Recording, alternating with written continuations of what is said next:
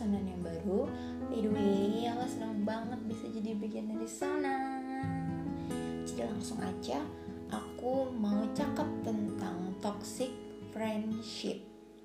Aku yakin kita semua tuh pernah ada di tengah-tengah pertemanan yang toxic Yang di mana toxic sendiri itu kan artinya racun.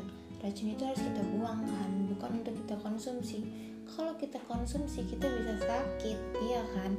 Itu bakal jadi pengaruh buruk buat kehidupan kita.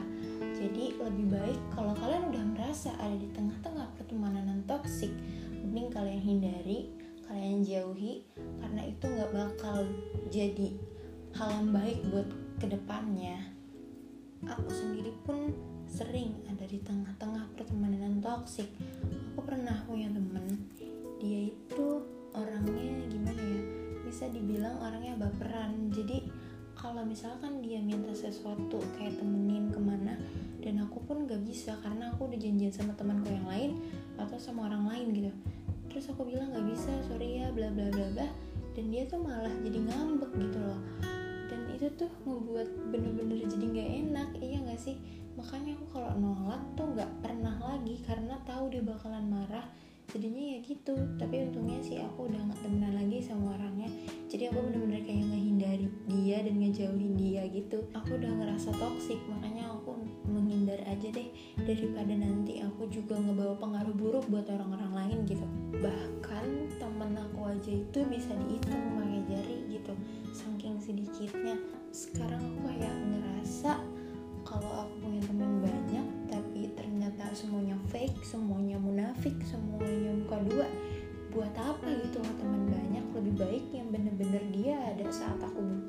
dan aku ada saat dia butuh.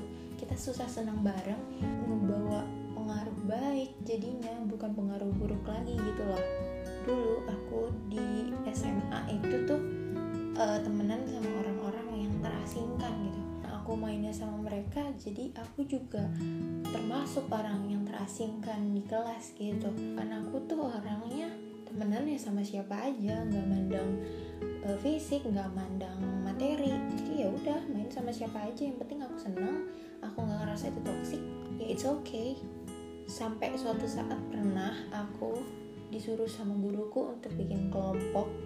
Tapi kelompoknya itu tuh anggotanya lebih dari teman-teman aku yang terasingkan ini.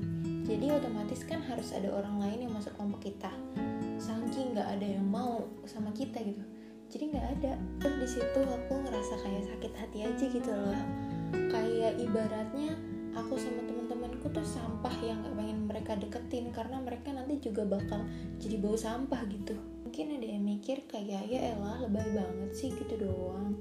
Gini ya kadar perasaan orang itu berbeda-beda. Ada yang terlalu sensitif ada yang kayak bodo amatan sama semuanya jadi kita tuh nggak bisa memporsir perasaan seseorang. Sebenarnya aku pun pernah jadi orang yang toksik aku pernah sindir-sindiran sama temen aku yang bahkan dari kecil aku temenan sama dia. Kayak harusnya tuh gak kayak gitu karena kita kenal dari kecil kok jadi kayak gitu malah sindir-sindiran. Dan itu sindirannya parah banget sampai ngebawa pekerjaan orang tua gitu kan. Nggak sopan banget gak sih jadi kayak aku sadarin sekarang ternyata aku separah itu. Aku tuh sampah itu gitu loh. Aku ngerasa kayak sampah aja waktu itu. Dan sekarang sih udah baikan sama orangnya. Kita sempet kayak hilang selama 2 tahun dari kehidupan masing-masing. Dan sekarang udah temenan pun aku masih kayak ngerasa nggak enakan. Ya gimana nggak enak ya jadi kayak keinget aja kayak chatan sama dia pasti keinget ya anjir dulu aku pernah kayak gini sama dia gitu. Kalau ditanya nyesel apa enggak jujur aku nyesel banget. Tapi kayak aku jadiin pengalaman aja jadi aku nggak ngelakuin hal-hal kayak gitu lagi gitu.